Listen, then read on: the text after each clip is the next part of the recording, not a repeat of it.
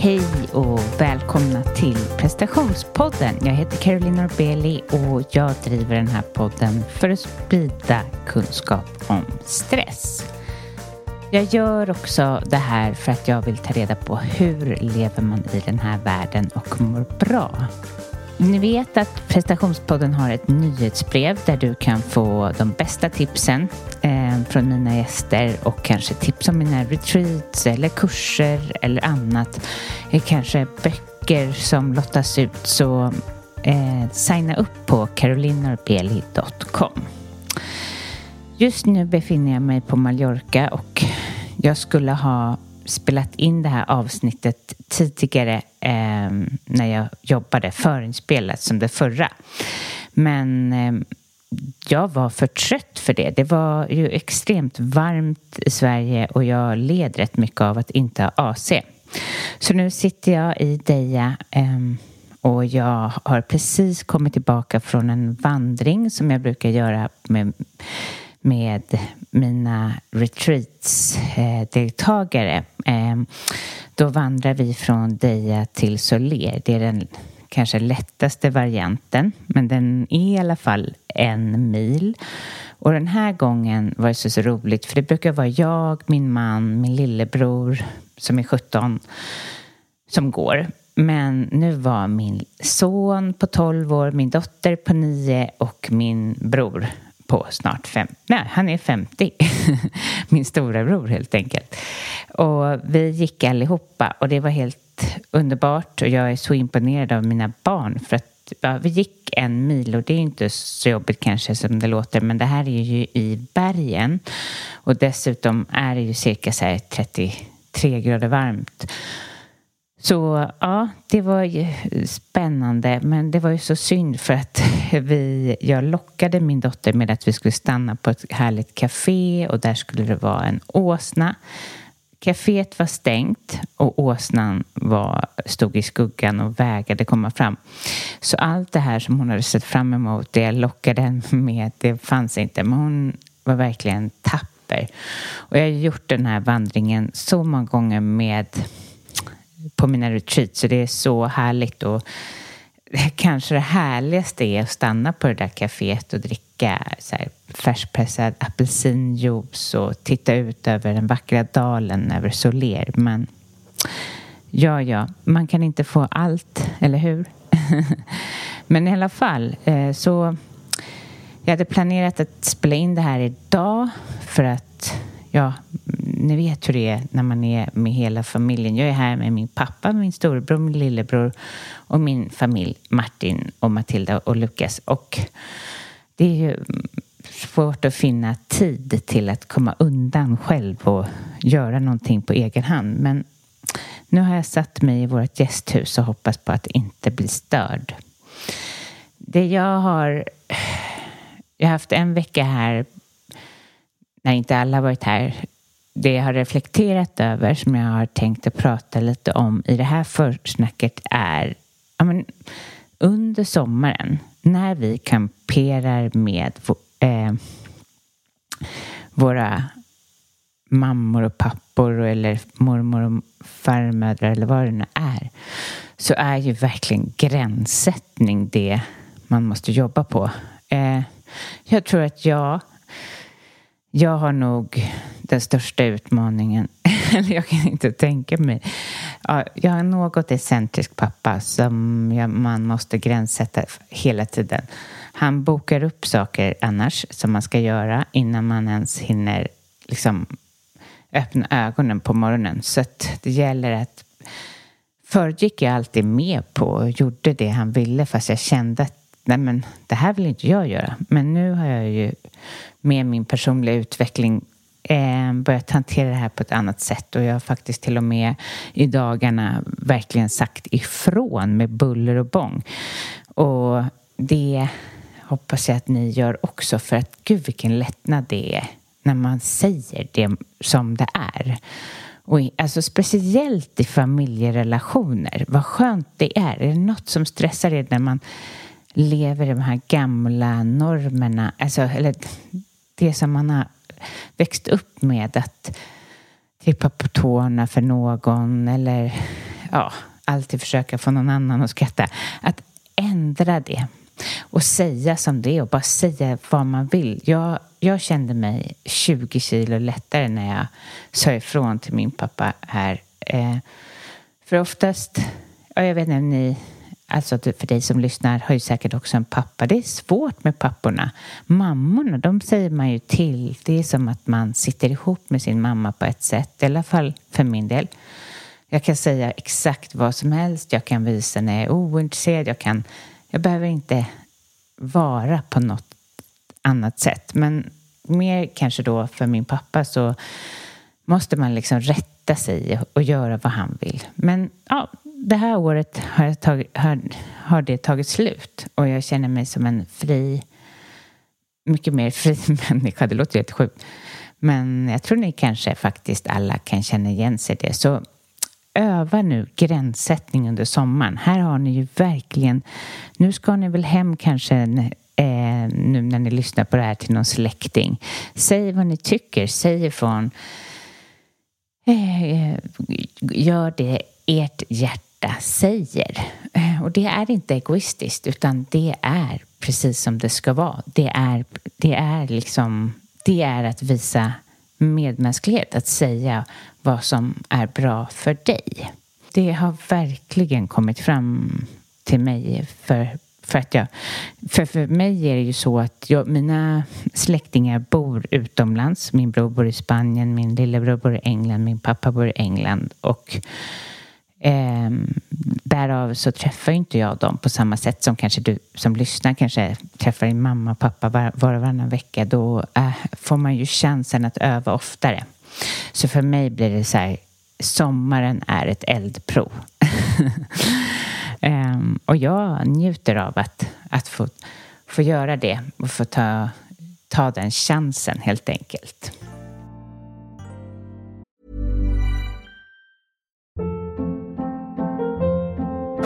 Hold up. What was that? Boring. No flavor. That was as bad as those leftovers you ate all week. Kiki Palmer here, and it's time to say hello to something fresh and guilt-free. Hello Fresh. Jazz up dinner with pecan-crusted chicken or garlic butter shrimp scampi. Now that's music to my mouth. Hello Fresh. Let's get this dinner party started. Discover all the delicious possibilities at hellofresh.com. Quality sleep is essential. That's why the Sleep Number Smart Bed is designed for your ever evolving sleep needs. Need a bed that's firmer or softer on either side? Helps you sleep at a comfortable temperature? Sleep Number Smart Beds let you individualize your comfort so you sleep better together. JD Power ranks Sleep Number number 1 in customer satisfaction with mattresses purchased in-store. And now, save 50% on the Sleep Number limited edition Smart Bed for a limited time. For JD Power 2023 award information, visit jdpower.com/awards. Only at a Sleep Number store or sleepnumber.com. Many of us have those stubborn pounds that seem impossible to lose, no matter how good we eat or how hard we work out. My solution is PlushCare. PlushCare is a leading telehealth provider with doctors who are there for you day and night to partner with you in your weight loss journey. They can prescribe FDA-approved weight loss medications like Wagovi and Zepbound for those who qualify. Plus, they accept most insurance plans. To get started, visit plushcare.com slash weight loss. That's plushcare.com slash weight loss. A lot can happen in the next three years. Like a chatbot may be your new best friend. But what won't change? Needing health insurance. United Healthcare Tri-Term Medical Plans are available for these changing times. Underwritten by Golden Rule Insurance Company, they offer budget-friendly, flexible coverage for people who are in between jobs or missed open enrollment. The plans last nearly three years in some states, with access to a nationwide network of doctors and hospitals. So for whatever tomorrow brings, United Healthcare Tri-Term Medical Plans may be for you. Learn more at uh1.com.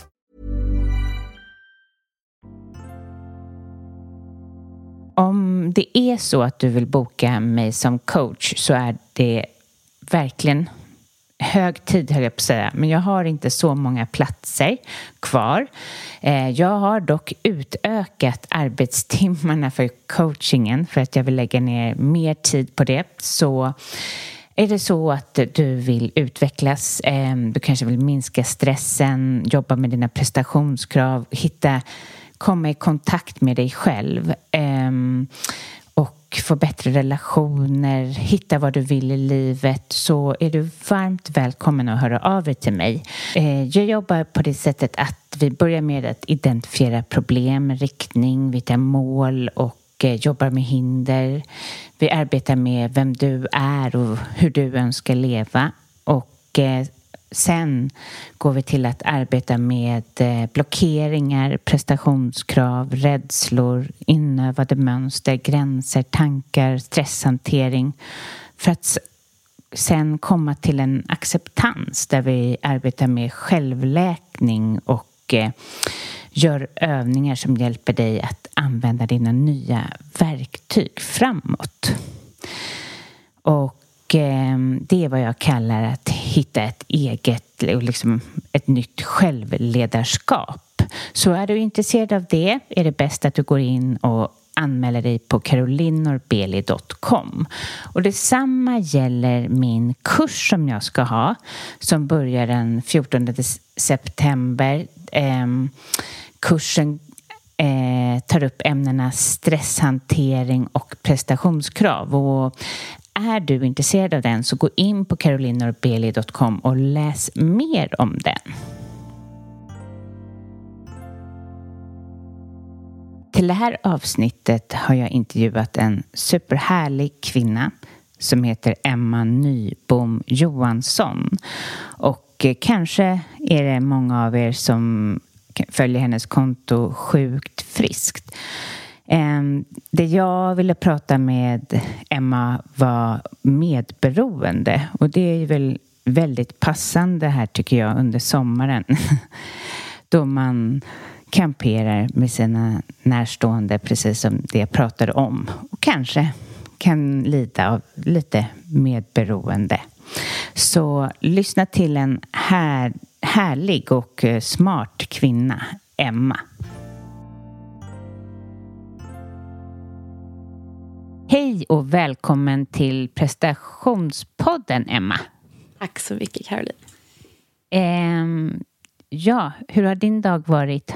Har du tagit dig från ett landställe, eller? Nej, jag är fortfarande i stan. Ja, du är det. Ja. Eh, det här är sista veckan som vi är här med skolavslutningar och, ja. och lite rodd. Eh, så att eh, jag kommer direkt hemifrån från sessioner och vår lilla hundvalp som vi precis har fått till familjen. Åh, oh, vad är det för hund? Det är en liten Australian labradoodle, Nelson heter han. Aha. Så han är 13 veckor nu, så det är som en liten bebis hemma. Oj då, men då kan jag tänka mig att du är trött av den anledningen. Jag har varit eh, väldigt trött och fått tillbaka lite den här vibesen som man hade med småbarn. Ja. Men det börjar bli bättre nu för att det handlar också om att lära känna och skapa relation. Ja, mm. hela den här biten som vi som vi jobbar mycket med, både du och jag. Ja. Och nu känner jag att det börjar landa lite mer. Eh, så då har det blivit lite lugnare. Så nu känner jag att det är okej i alla fall. Mm. Det funkar. Det, it's for a good cause. Vad härligt. Vad härligt. Ja, verkligen. Det är en bra investering om man klarar av det. Alltså, om man har tid. Ja, precis. Ja. Och viljan. Ja, precis. Men eh, berätta Eh, för lyssnarna, vem är du så att säga på det jordliga planet? Precis. Eh, jag eh, driver eh, ett koncept som heter Sjukt frisk. Eh, och eh, det grundar sig i att jobba med sig själv när det gäller överprestation, medberoende, oro vid fysiska sjukdomar och stress. Mm. Och eh, i konceptet så finns det bland annat en podcast, Sjukt frisk med Emma. Eh, och eh, jag har upplägg där jag jobbar tillsammans med främst kvinnor, en del män också, men främst kvinnor som sätter olika fokus då beroende på vad de har för problematik just nu i sina liv. Där vi har olika samtalsupplägg. Och jag håller också på att göra om lite på min plattform. Jag ska starta upp en ny kursportal Eh, med mycket mm, eh, material kring att bygga upp sin inre power, som jag brukar vilja uttrycka det som. Eh, och eh, använda sig av verktyg för att göra det. Eh, så i stora drag är det det som jag gör. Och om vi backar bandet eh, ja, tills eh, när livet såg lite annorlunda ut och det som har fört dig antagligen till att starta Sjukt frisk. Du har ju också där jag stötte på dig på Instagram där du är en uppskattad instagrammare kan man säga. Ja, eh, nej men vad, hur, berätta, vad, är, vad har fört dig till att börja jobba med just be, medberoende som jag tänkte mm. belysa i det här men Precis. Alltså jag är då tillfrisknande medberoende själv sedan ungefär 17 år tillbaka. Oj. Eh, ja, eh, jag är jättetacksam för att eh, jag blev liksom eh, introducerad till programmet för medberoende i en ganska tidig ålder. Eh, vilket jag... betyder att jag liksom har kunnat jobba med, med mig själv liksom även som mamma och förälder och, och partner. Eh, jag är uppvuxen i en familj där det då under hela min uppväxt som barn men även som ung vuxen förekom alkoholism. Och eh, min andra förälder var då extremt medberoende och, och gick också in i det här beteendet då mycket för survival mode. Så att jag blev ju en extremt, som, som uttrycks, duktig flicka. Men jag skulle säga bara duktig istället för att lägga till flicka. Men jag blev väldigt duktig väldigt tidigt i mitt liv. Jag roddade, jag fixade, jag donade, såg till att det såg bra ut utåt. Eh, överpresterade redan som litet barn. Eh, la mitt värde i det jag gjorde och inte vad jag var. Jag visste inte vem jag var riktigt heller kanske. Och fick inte så bra vägledning inom det. Eh, så att eh, jag kommer med den bakgrunden och började som sagt jobba med mig själv först när min förälder blev nykter. Så det ja. var den vägen. Då, det var då jag förstod att det spelar ingen roll att, att min förälder har slutat dricka utan jag behöver fortfarande ta tag i mina karaktärsdrag, mina mönster och beteenden och mitt dåliga mående. För det kommer inte sluta bara för att den här personen slutar dricka. Det skapas ju mycket rädslor på vägen och liksom sätt att förhålla sig till livet. Ehm, så att jag började jobba med mig själv genom att gå i medberoendeterapi medberoendecoaching medberoende coaching och eh, att gå på KODA som alltså är Codependency Anonymous. Så det är anonyma medberoende, tolvstegsprogram. Ehm, och därför började jag jobba med medberoendet men det började faktiskt med att Sjukt frisk, därav namnet, handlade först från början om att leva så pass bra utefter sina omständigheter oavsett fysiska sjukdomar. För jag kommer också från en bakgrund med väldigt mycket fysiska eh, sjukdomar. Bland annat Crohns som är en inflammatorisk tarmsjukdom. Reumatism. Reumatism? Eh, hypoterios och en nervsjukdom som skapar väldigt mycket smärta i min kropp. Eh, så jag har liksom under åren, det här hänger ihop mycket med medberoendet för mig för det har skapat mycket stress hos mig under mina år som har skapat fysiska problem liksom, och utmaningar. Eh, och när jag började jobba med mitt medberoende och började tillfriskna så började jag märka att min kropp började chilla ner. Mm. Och jag tyckte det här var så fantastiskt och det var då jag förstod att wow, liksom min inre hälsa påverkar min yttre så mycket mer än vad jag kan tro. Det här hör vi ofta, men det, det, är liksom, det är så skönt att kunna landa i det och sen börja tillämpa principerna för att tillfriskna från olika beroenden i att tillfriskna från oro kring fysiska sjukdomar, stress, överprestation. För mig är det lite samma grundprinciper man följer och sen skräddarsyr man dem beroende på var problemet finns. Liksom. Men hur märkte du att du var medberoende? Jag märkte inte det till en början. Jag, jag tänker att många av oss lever först i, i en omedvetenhet. Um, den här processen man brukar prata om i förändring, att fas ett, uh, omedvetet omedvetna. Liksom. Uh, att man inte vet att man går runt och är dyssig, dysfunktionell. Eh, jag, eh, jag var extremt, eh, för min egen överlevnads skull såklart, det här var ju beteenden jag skapade som ett litet barn från början. Men väldigt kontrollerande i kring hur saker och ting skedde runt omkring mig.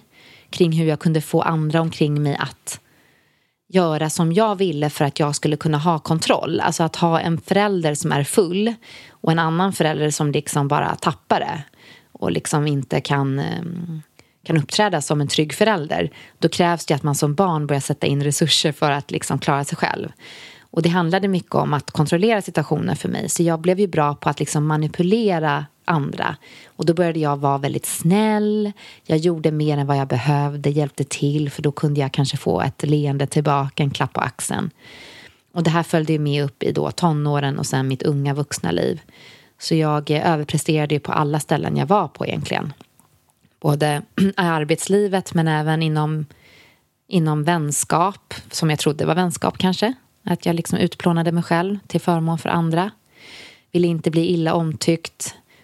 Um, hade svårt att sätta gränser. Och när jag väl satte en gräns så blev det kanske på ett tokigt sätt för att jag liksom krävde att andra skulle göra precis som jag ville för annars tappade jag kontrollen så då blev jag arg. Så det var liksom inga sunda gränser jag drog i sånt fall eh, väldigt, väldigt orolig för vad andra skulle tycka och tänka om mig. Och eh, visste inte vem jag var.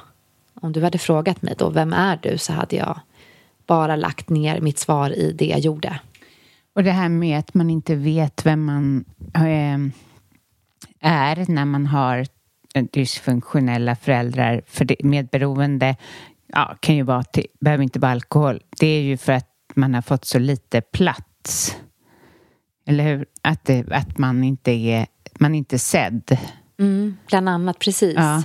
Exakt, att vi utvecklar beteenden och karaktärsdrag för att kunna liksom hantera att umgås med andra, tänker jag. Och att, att kunna hantera eh, vardagliga situationer som för kanske en sund person som inte har varit i ett beroende i en beroendeproblematik med någon eh, har hamnat i. Eh, men att liksom någonstans hela tiden anpassa sig efter omständigheterna för andra men inte utgå från oss själva. Så att det alltid blir andras känslor, tankar som vi tror att de har, vi vet ju inte ens. Utan att vi ligger steget före hela tiden. Vad tänker hon och han nu? Hur borde jag då göra? Mm. Vad behöver de? Hur kan de må så bra som möjligt? Och det är också att man tror att man besitter någon slags superskill för att man kan också känna det för att man är som en länk till andra. Mm. Men den är egentligen bara skadlig och bra att kunna ha till exempel om man jobbar som coach kanske men inte i det övriga livet. Nej men precis, att man blir en möjliggörare men för andras dysfunktion. Mm. Att liksom stötta andras gränslöshet, andras Eh, förmåga att plocka bort ansvaret från sig själva. För oftast tar ju vi på oss ansvaret för andras välmående och andras liv i mm. värsta fall.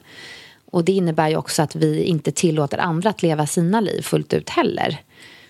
Och det var en period i livet som du mattade ut dig också.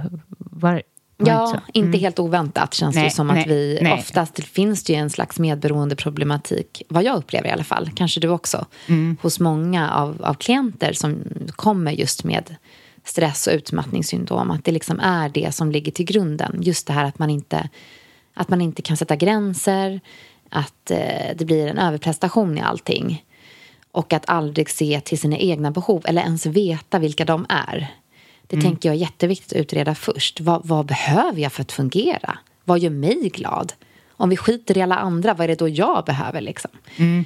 Men eh, ja, och det kan ju vara en, det, det jag tycker med medberoende är ju att det kan tendera i, alltså så här, eller jag vet, jag har en kompis som har gått alla de här programmen eh, så och, jag, eh, och hon kan säga till mig så här när jag frågar henne så här, lite hur hon mår typ, nej men är du medberoende nu? Bara, Nej, jag frågar bara hur du mår. Ja. Det går att dra lite, det går också, ja. nu kanske jag förvirrar lyssnaren. Nej, jag men, förstår vad du menar. Nej, men alla är inte det. Alltså, nej. nej. Och jag tänker ofta att eh, jag kan se tillbaka nu, eftersom jag varit med i programmet i alla fall några år, eh, så kan jag se tillbaka på processen för mig i programmet. Och för mig var det nödvändigt att gå från det ena extrema till det andra extrema för att hitta den där mitten på mm. För att först så var det till, jag kommer ihåg det så tydligt, jag kan ge ett jättebra exempel. Det var att jag hjälpte alla. Hjälpte alla, alla, alla hela tiden tills jag liksom låg på marken och typ krälade i mitt eget blod ungefär. Det var liksom helt galet. Och gjorde du det av rädsla då? Ja, och att jag trodde att det var så man gjorde. Mm. Liksom. Det var det jag behövde ja, för göra för att, för att liksom vara värd i andras ögon. Om inte jag hjälpte till så var jag ingen. Liksom. Så det var lite min, eh, min uppgift i livet. Eh, och eh, då när jag började tillfriskna, då började gå i terapi, jobba med mig själv, började se de här mönstren, började liksom utmana mig själv till att göra på ett annat sätt. Så började det slå över åt andra hållet. Jag kommer ihåg att, eh, att det var en kaféägare vars liksom, skylt hade blåst ner och gått sönder lite. Och så hur jag brottades med mig själv. Jag gick förbi och ser att den, det är en skylt, den har ramlat ner. Han ska ta upp den, den har gått sönder. Jag är en medmänniska, jag går förbi. Jag hade möjlighet att hjälpa till. Men hur min dialog går inom mig, det här är helt sjukt så här i efterhand, men det är väldigt roligt. Hur jag tänker så här, nu, oj, jag måste hjälpa till här. Och sen kom den här äh, extrema tillfrisknande Emma in. Nej, men det kan du inte göra. Du ska ju lära dig att inte hjälpa till i alla ärenden. Det är inte din uppgift. Det är hans skylt. Låt honom ta ansvar för den. Och så började jag gå vidare. Så bara, nej, men gud, Emma, du måste gå tillbaka. Man hjälper en medmänniska. Vad är det du håller på med? En sån här liten sak, verkligen. Mm som jag idag, självklart, jag stannar och hjälper till. Det är inga konstigheter för mig. Men jag behövde bli så extrem för att hitta mitt punkt. Jag så jag sa nej till allt. Nej, jag kan inte hjälpa till. Hoppas du fixar det själv. Hoppas det löser sig. Tack för att du frågade. Jag är inte tillgänglig. Mm. För att jag behövde bli som en alkoholist som slutar dricka. Jag dricker noll nu. Ja.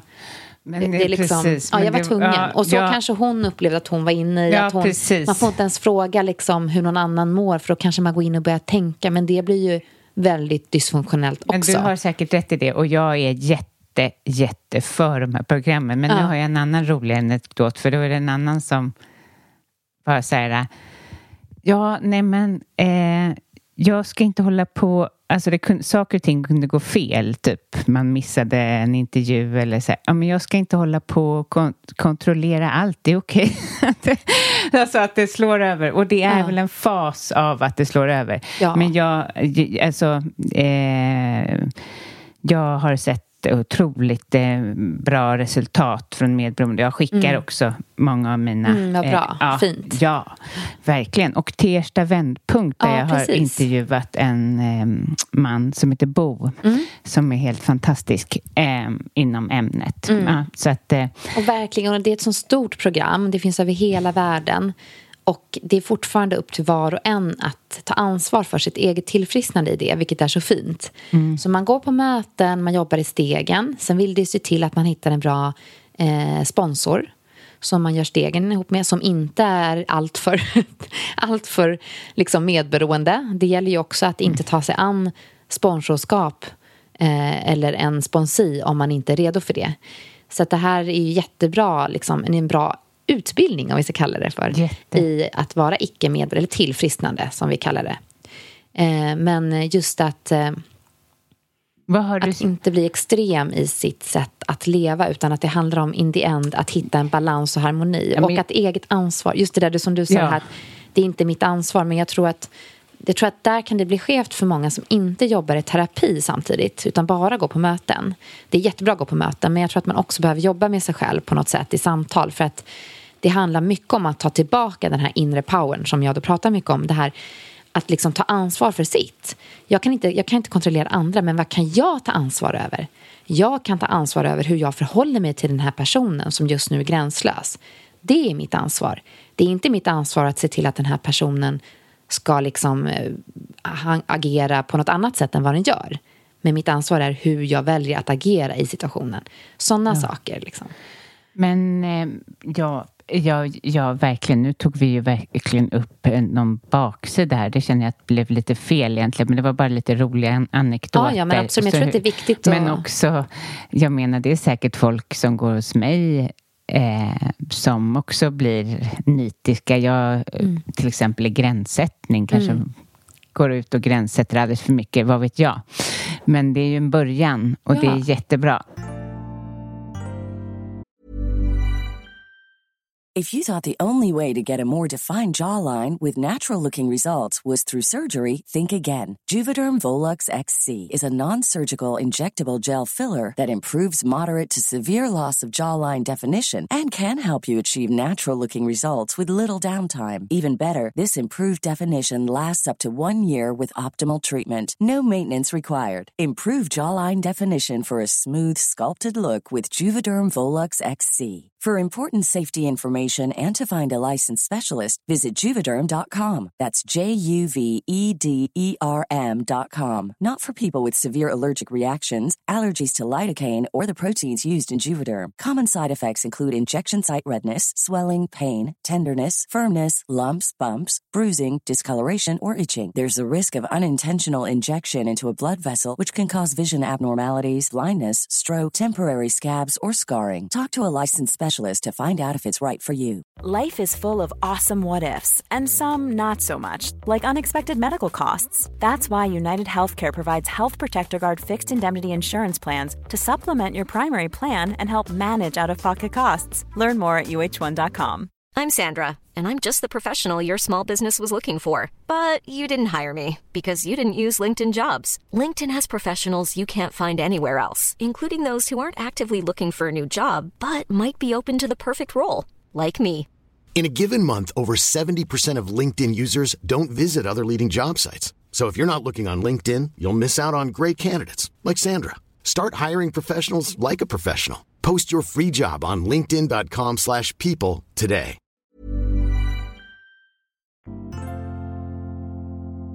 Vad känner du har stärkt dig mest av att jobba med ditt medberoende? Oj, wow. Eh, att leva mitt liv som, som Emma i min innerlighet och ärlighet. Liksom. Eh, att jag inte gjorde det innan. Jag kan bli så lite berörd av det när jag pratar om det. För att jag hade en längtan under hela min uppväxt. Jag, jag kommer väldigt, väldigt tydligt ihåg hur jag som väldigt, väldigt litet barn låg på mitt rum i sängen och kände en sån fruktansvärd smärta liksom, i bröstet, i hjärtat. Och jag försökte liksom då som väldigt litet barn härleda var det här kommer ifrån. Liksom, varför, varför har jag så ont? Vad är det som gör så ont i mig? Och att jag kände en saknad efter mig själv. En längtan. Liksom. Att jag förstod att det finns något annat. Och hur fasiken ska jag ta mig dit? Mm. Och det var då det blev så att jag liksom nästan låg och bad om hjälp. Ut bara. Hjälp mig. Hjälp, hjälp mig bara. Jag måste bara få må bra. Liksom.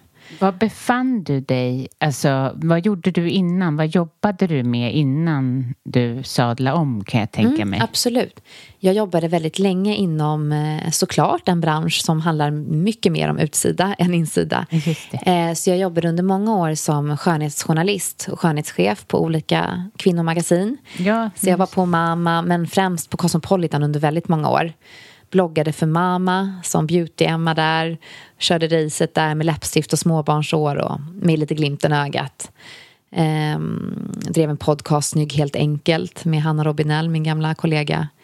Ehm, och dessförinnan jobbade jag eh, eh som eh, bland annat inom styling. Då. Men alltid modebranschen. Liksom. Och när jag blev utbränd så var jag på ett jättestort kosmetikföretag i Sverige eh, där det bara liksom gasades på. Det var helt sinnessjukt. Jag förstod att det var fel från början men jag trodde någonstans, jag var inte riktigt på platsen i eh, min inre power. Så att jag utmanade mina gränser och det fick jag tji för. Det funkade liksom inte med småbarn och att börja leverera på en sån extremt hög nivå utan, alltså väldigt gränslöst företag där. Så att jag eh, tjongade ju rakt in i den där väggen. Så pass att jag liksom trodde att hissen gick rasade neråt när den åkte upp en morgon. Liksom. Och bara trodde att jag skulle dö i hisschaktet. Liksom. Och folk bara stod och stirrade på mig och bara okej, okay, sök hjälp.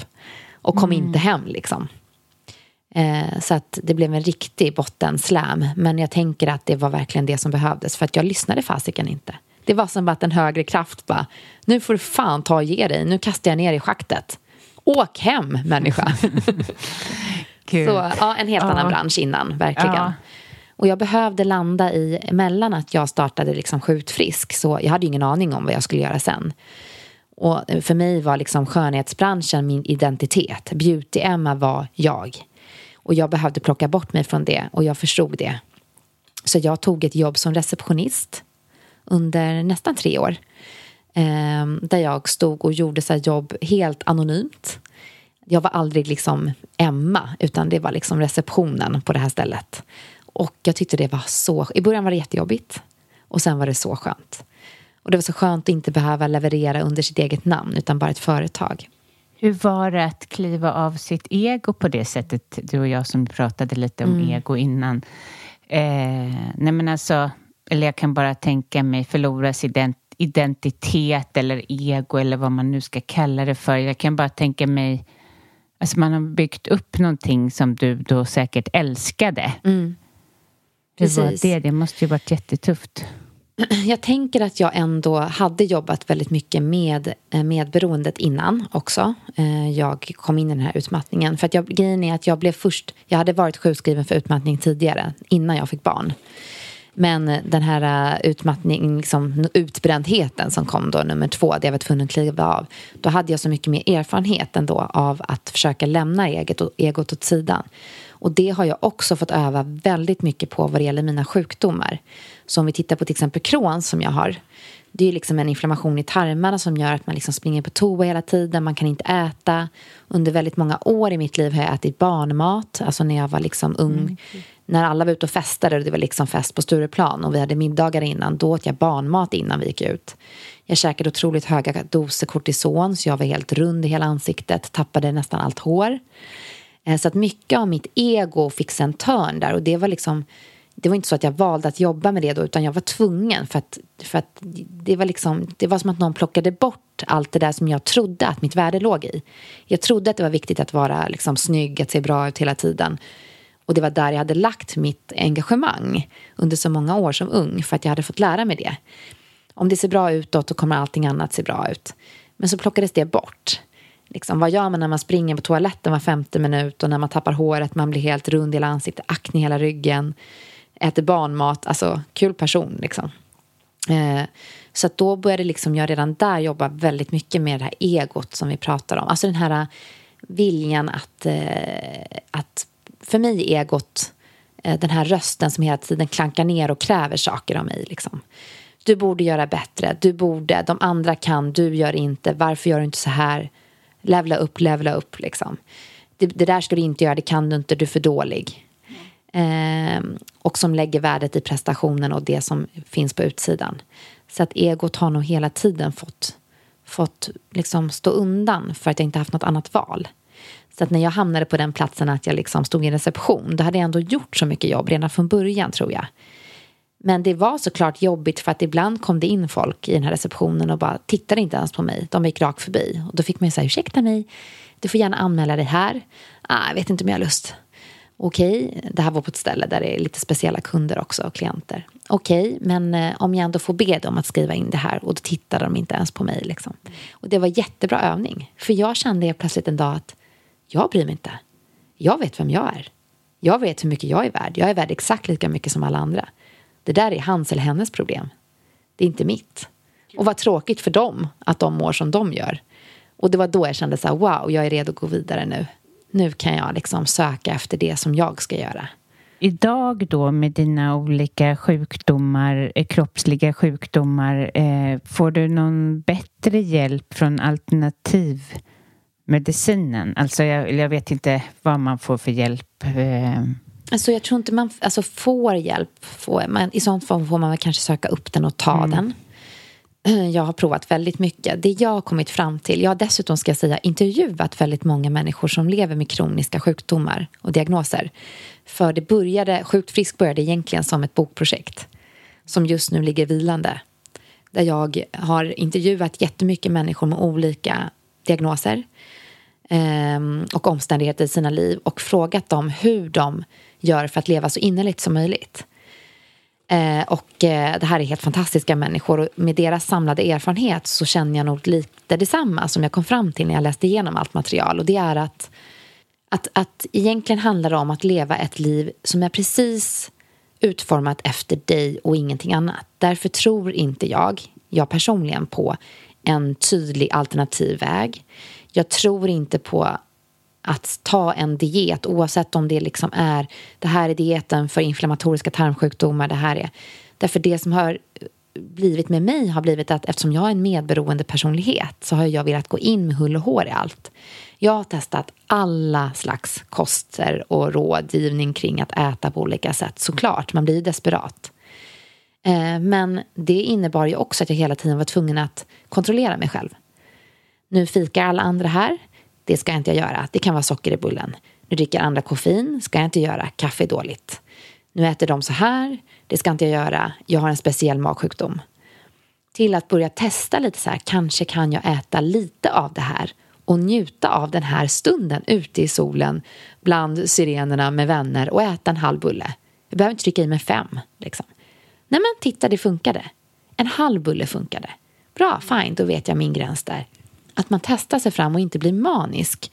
Och att det blir det här så här, nej jag måste gå, om jag gör det här kommer jag bli jättesjuk igen. För det skapar ju också stress. Så här, chilla ner lite, så här, utgå från dig, må bra framför allt. Jag älskar att njuta av livet. Ja, men tror du att det här startades, alltså om du nu får vara en eh, ja, observatör till dig själv, alltså finns det något samband mellan det här och det du har varit med om som liten? Eh, vilket samband mellan... mellan... Alltså dina kroniska sjukdomar? Ah, ja, ja. Tänk, jag pratade med min man om det i förrgår. Nämnde jag det. Vi satt i bilen på väg ut till landet så satt vi och lyssnade på någon låt som jag kunde relatera till när jag var liten och fick tillbaka något så här minne, smärtminne, liksom lite sådär att jag hade ont i kroppen. Och då sa jag det, gud jag undrar, ibland kan jag känsla så här, tänk hur det hade varit att växa upp, framför allt så här tonåren, utan oro. Alltså att få leva en tonårstid med allt det fantastiska som finns i den utan att vara orolig och faktiskt få njuta av livet. Alltså jag kan få sån här, åh fy fasiken vad härligt. Gud vad jag verkligen, och då kan jag känna så här, jag känner en jätteacceptans i att jag inte upplevde det så. Eh, och att det var en enorm stress och att det säkerligen, jag kan inte säga det hundra procent, men på riktigt är jag faktiskt helt säker ändå, att det har skapat min, framförallt tarmen. Alltså den stressen som man lever med i så många år som gnager och gnager och gnager inom en. Det är, liksom, det är klart att det sätter sig fysiskt. Det brukar sitta i ryggen för många. Jag har jättemycket problem med min rygg också. Har blivit bättre, men eh, migrän. Alltså. Och, och, min reumatism kommer ju från Crohns. Det är en biverkning från den sjukdomen. Mm. Nervskadorna är också ett symptom på att liksom, man har gått runt med mycket stress. Så att, eh, absolut, jag är helt säker på det. Men att landa i acceptansen i att det inte var så. Men nu lever jag ett liv som är helt fantastiskt. Alltså ja. på riktigt så är det liksom Nej, men jag kunde inte önska mig någonting mer. Alltså, allt det jag verkligen har manifesterat under så många år har jag. Och dessutom som du också har barn, liksom, att jag tänker ofta så här, men mina barn kan göra det. Ja. Mina barn mina... kan fasiken få leva ja, ett tonårsliv utan oro. Ja, oh, gud vad jag ska låta dem göra det. Åh, oh. oh, vad jag vill vara den tillfrisknande mamman. Liksom. Exakt. Det kan ge mig jättemycket glädje. Men sen kan jag det. ibland känna lite så här, åh, attans! Det hade varit jäkligt kul att få vara fri. Det, liksom. Ja, precis. Och det är väldigt bra att påminna sig om den huvudanledningen till att man existerar. Att mm. ens barn alltså, mm. ska, inte, ska få ha det så här bra. Ja. För ibland kan man ju kolla bort sig det och bara säga men herregud vad jag mycket på med allting och så här. Ja, men va. just det, jag är ju först och främst mamma. Ja. Så, och mina barn ska ha det så tryggt. Och att ja. de också så här, learning by seeing lite vad vi gör. Ja. Jag kan bli jätteglad över att mina söner, trots att de egentligen, den äldsta känns som att han är 100 år, men han är 12 och den yngsta är 8. Men den yngsta framför allt kan vara så att han upp han är väldigt så här, uppmärksam med hur jag tar hand om mig själv och säger till mig när jag inte gör det och det gör båda killarna. Eh, det ser ut som att du är väldigt trött nu mamma och du behöver vila. Och då har det blivit så att när de är trötta så säger de också att jag är trött så jag behöver vila nu. Mm. Det är så sunt. Mm. Jag blir så glad över det. Och min, min förälder idag då, som är nykter sedan jättemånga år tillbaka, det är över 20 år nu. Ja, vi är bästa, bästa vänner. Jag är så tacksam och glad över den här personen. Har också sagt det att vi har brutit, eller så här, han brukar säga det att du har brutit cirkeln. Du har brutit cirkeln. Mm. Eh, mm. För att jag tog med mig det här, men jag gjorde ju det tack vare av att min förälder gick in i tillfrisknandet. Och det var därför jag gick in i tillfrisknandet. Men tillsammans bröt vi den här medärvda liksom, eh, kaoset och dysfunktionen som har gått generation efter generation. Vi har brutit det. Mina cool. barn kommer inte gå in i livet som hoppas jag, beroende eller medberoende. I alla fall inte på grund av att jag är aktiv. Men vad härligt att eh, du, ni har varandra i det. Ja, så fint. Eh, alltså, det alltså, är så jättefint. fint. Så fint. Varje dag så glad över det. Och vi uttrycker det till varandra nästan på daglig basis. den tacksamheten. Någon som man först trodde var en största fiende. Till att det blev så att jag är den här personens eh, räddare i, alltså på liv och död verkligen. För det var så pass att jag körde in till akuten liksom och bara var så här, nu räcker det. Det är nu eller aldrig. Antingen gör det här eller så får du aldrig träffa dina barnbarn. Varsågod och välj. Och det var ju tungt som ung, liksom. Mm. Vad var jag då? 20 någonting. Eh, men att också den här personen visade mig vägen. Vet du vad? Nu är jag tillfrisknande. Nu är det dags för dig att ta steget in i det. Och jag hade ingen aning om att jag behövde det. Så, att, så coolt att man ger varandra den eh, möjligheten i livet. Liksom. Verkligen, verkligen coolt. Och jag tänker de som lyssnar som är så här eh, presterare så brukar jag säga det att ofta så presterar, märker jag i alla fall, mina kunder presterar för sin pappa det finns mm. mycket i den relationen. Pappan. Är det mycket kvinnor du har? Ja, som? precis. Mm, precis. Eh, så här, men vem är det du gör? Jo, men det är pappa. Han är väldigt duktig på sitt jobb. Mamman har inte haft något jobb. Ja, lite så. Mm. Men sen när vi tittar på det så har ju pappa pappan i den här åldern ändå tacklat av. Mm. Han bryr sig inte längre. Han har inte de här kraven längre men ändå, precis som du då, så mm. fortsätter man mm. i det här mönstret, felaktiga mm. mönstret. Eller, ja. ja och så då, programmeringen. Ja, som programmeringen bara... som är fortfarande där som man måste mm. ta tag i. så. Så ja, jag Verkligen. bara ja, såg den parallellen. Jag, ja, ja. Och jag tänker att man därför, det tycker jag är så här kring att liksom just att man verkligen noga med att skapa en medvetenhet. Det brukar jag i alla fall vara när jag jobbar med klienter, att man liksom skapar medvetenheten först. Eh, för att med medvetenhet kommer också en acceptans. När vi är medvetna om hur det ser ut just nu, varför och hur vi egentligen vill ha det, men också hur det kom så att det blev så. Mm. Och, och förstår det, då kan vi också få en så här självempati som vi inte haft tidigare eftersom vi börjar förstå varför vi agerar som vi gör och hur vi fungerar. Sen behöver inte det betyda att det är så vi vill fungera framåt. Men eftersom jag är uppvuxen med de här omständigheterna jag visste inte bättre, jag var bara ett barn eller jag var vuxen och levde i en väldigt sjuk relation och försökte överleva så har jag de här karaktärsdragen. Och nu har jag makten att förändra och därför ska jag nu skifta liksom, och programmera om lite. Att man någonstans blir lite mjuk med sig själv mm. i det. Liksom. All right, det är inte precis så som jag önskar att det var men det kommer kunna bli jättebra om jag nu gör fotarbetet. Liksom.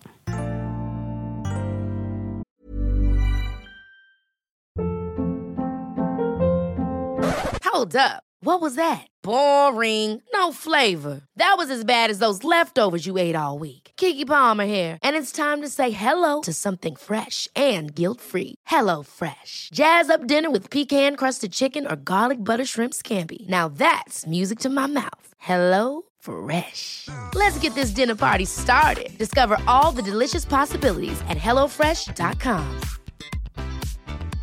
Even when we're on a budget, we still deserve nice things. Quince is a place to scoop up stunning high-end goods for 50 to 80% less than similar brands. They have buttery soft cashmere sweaters starting at $50, luxurious Italian leather bags, and so much more. Plus, Quince only works with factories that use safe, ethical, and responsible manufacturing. Get the high-end goods you'll love without the high price tag with Quince. Go to quince.com slash style for free shipping and 365-day returns. Hur vet man om man är medberoende? Bra fråga. Ja, eller hur?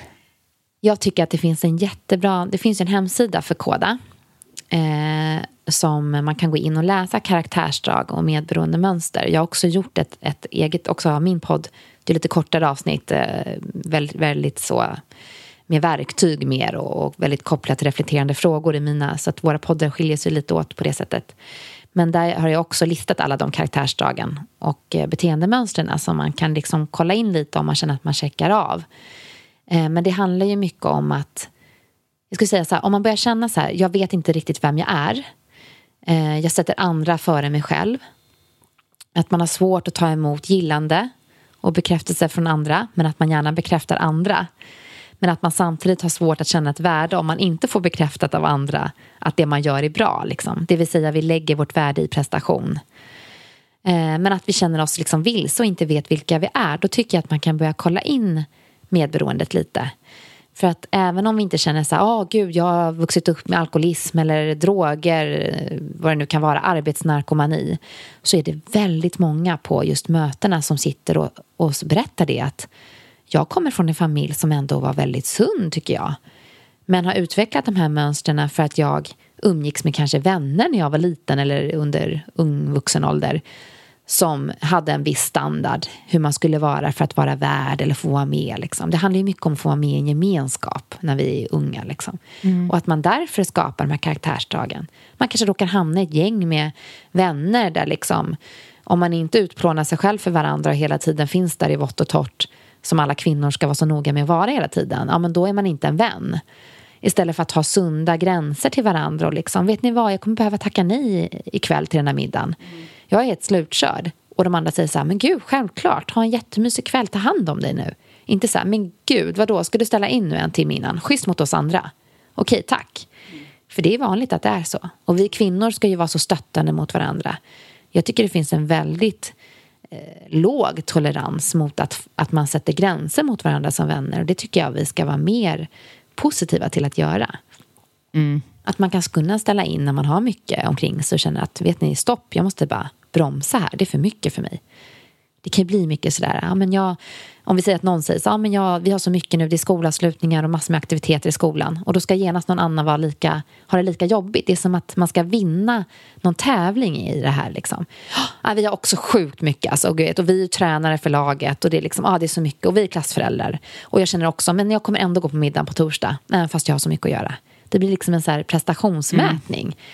Istället för att då kunna landa i så, ah, okej, ja, men ha det så trevligt på en din middag då.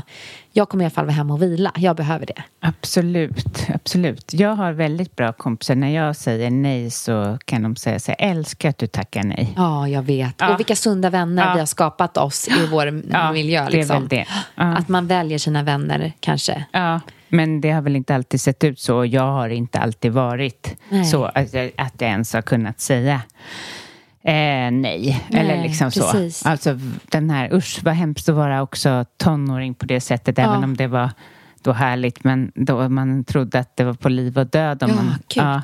Nej, men alltså, jag vet att jag var ute och festade när jag hade så blodiga diarréer. Jag berättade inte det för någon. Och kräktes blod. Eh, för att jag inte ville, så här, fear of missing out. Liksom. Och inte ville vara så här, den tråkiga. Mm. För jag, jag, en del av mina vänner säger det idag, som känner mig då, att du gick alltid runt och så här, berättade att du hade så ont och klagade. Och det var liksom mitt värsta, för min mamma hade ju till exempel sagt till mig att så här, man, får liksom, man måste liksom bara shape, shape it liksom up och ja. typ, liksom, du måste liksom borsta av knäna och man måste bara, nu kör man bara. Ja. Så det har jag tagit med mig, så jag fick inte klaga. Så när de sa det, ja du säger ju ofta att du mår dåligt, då blev så här, inte säga att jag mår dåligt, inte säga att jag mår dåligt. Måste vara med på allt, inte visa, inte visa. Istället för att fatta att min styrka och power låg i att ta hand om mig själv. Gör mm. vad fasiken ni vill, ha det så svinkul. Jag gör det jag vill. Mm. Men, men man växer ju in i det. Det är inte lätt när man är tonåring. Liksom. Nej. Nej. Men idag tycker jag att det är skitskönt. Eller hur? jag tycker det är underbart. Eller hur? Och som du säger, att ha vänner som bara åh, älskar att du är så kärleksfull mot dig själl. Ja, precis. Jag kanske också ska vara hemma på torsdag. Precis. Typ. ja, men precis. Mm. Ja. Um, Ja, nej men ja, gud, det är inte lätt att vara ung. Det kan man ju verkligen säga med just den grejen. Men det är också väldigt många vuxna som har svårt med den gränssättningen. Mm. Och eh, ja, det Jag tror faktiskt mycket. att det kanske inte är det finns ju många sunda unga också som har sunda föräldrar. Ja, det är sant. Och jag tänker att det är vi själva som skapar liksom, det här. Det är inte de här antaganden om livet. Det är svårt att leva, det är tufft att leva. Det är hårt, livet är tufft, livet ska överlevas. Eh, det, är inte, det är inte lätt. Att så börja omvärdera det lite och så här, är det verkligen så det är? Kan livet faktiskt vara härligt? Vad händer om man börjar liksom försöka tänka lite nytt här? Liksom? Även om man går runt, för att här vill jag också gå i bräschen för, för att i och med att jag har också de här sjukdomarna som jag lever med, eh, vilket innebär att jag går runt med fatig, alltså kroniskt trötthetssyndrom. Eh, jag, jag är aldrig pigg. Alltså punkt bara. Och det är fine. Det är tråkigt men det är så det är. Eh, men jag kan alltid välja att se det på något annat sätt. Men då skulle jag kunna gå runt och säga att livet är skit. Nej, livet ja. kommer aldrig bli bra. Eller så kan jag bara så här, stopp nu och försöka tänka om. Det är underbart. Ja. Livet är ett liv. Livet är mitt framförallt, brukar jag tänka. Livet är mitt. Och det är det här jag har och det är helt fantastiskt. Och ibland så är det skit och då får jag vara ledsen då. Det är helt, det är helt okej. Kanske inte varje dag. Men när det känns jättetufft tufft att man får gråta lite då och säga så här. Ja, det här var ju skit. Men nu, nu, nu gör jag det jag kan idag. Jag, jag tar hand om mig själv idag. Då blir det bättre. Så att jag tänker att Många säger ju det. Det är inte så lätt att vara. Nej, men det kanske inte, som min man säger, det kanske inte är så svårt heller. Nej, nej fast Och det är lätt för någon att säga, men tonåring är tonåringsliv. Och det är jobbigt som, ja gud. Men, Eller klimakteriet som du och jag pratat om. Men också ta ansvar och det älskar jag. Och ja. också se så här, ja, vi lever vad vi vet bara nu en gång. Mm. Och att liksom, nu gör vi det bästa av det. Och eh, vi har alla våra tillkortakommanden eller, ja, och eh, issues mm. som vi måste liksom acceptera och bara leva med helt enkelt. Ja. ja. precis. Och jag tänker också att man kan ju välja att, jag brukar tänka på det, tillfrisknandet just. För att det är liksom en ständigt pågående process. Vi blir ju aldrig färdiga från medberoendet. Vi kan inte säga så nu är jag frisk från medberoendet. För det är en eh, färskvara. Och om vi inte underhåller det så kommer vi trilla tillbaka igen. Och det är helt okej. Okay. Det händer ibland. Men vi har ju skapat oss verktygen och strategierna för att komma tillbaka till tillfrisknandet. Och jag tänker att... Um, för att återgå till det du sa. Du pratade mm. om just med tonåren. Mm. Men, sen, mm. men att liksom förstå att vi måste ta eget ansvar. Just att man liksom hela tiden tänker att vi har alltid ett val. Jag brukar alltid lägga in inlägg om det på Instagram till exempel. För det är lätt att glömma det. Och jag glömmer också av det. Vi har alltid ett val. När folk säger så här, men jag har inget val. Jo, det är bara det att du tycker inte att alternativen är fantastiska. Men det ena är alltid kanske lite bättre till dig själv, eh, till förmån för dig själv än det andra. Så vilket av de sämre alternativen är det bättre då? Men ta inte från dig själv kraften och makten över ditt eget liv. Du kan alltid välja, även om båda alternativen känns lite så här, kanske inte det jag önskade att de var. Du kan alltid ta och göra ett val. Liksom. Så och så kan vi stå bakom det. Ja. Jag, jag gjorde ett val. Ja, och så är det verkligen. Mm. Och det är det som är härligt med att man har kanske inte haft en spikrak resa i livet. Att man kan se det så. Jag tror att man har faktiskt en... ja, för alla som är utmattade att man har varit igenom och fortfarande kanske är det också en styrka för man kan njuta av livet på ett helt annat sätt än, än ja, mm eh, när man kanske då tycker att det är jobbigt för att man har klassförälder eller vad, ja. alltså att det blir... Och lite så här good enough, ja. chilla ner brukar jag säga till mig själv när jag märker att jag börjar gå upp i spinn. Chilla ner, alltså vad är det jag håller på med? Va, vad är det jag ska bevisa? Mm. Det finns en jättebra övning som du kanske också vet om eftersom vi jobbar inom samma bransch. Eh, men just att man ställer sig frågan varför upprepade gånger.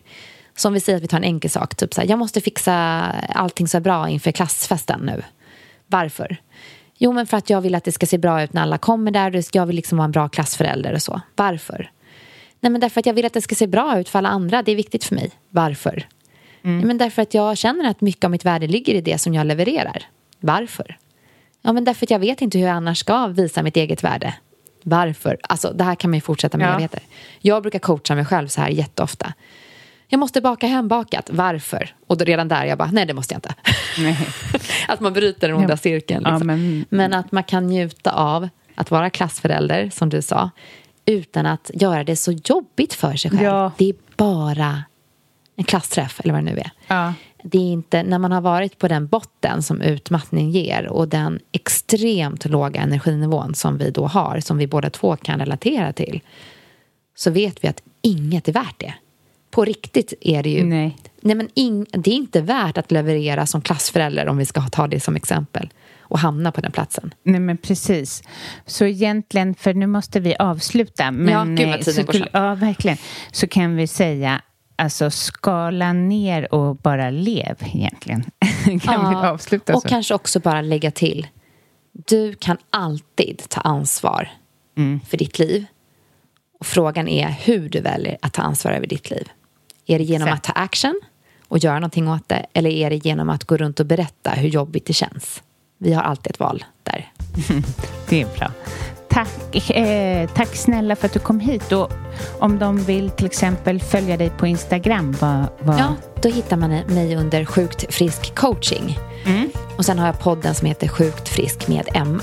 Ja, bra. Tack snälla tack, Caroline snälla. för att jag fick komma hit. Tack, så roligt. Alla ni som lyssnar.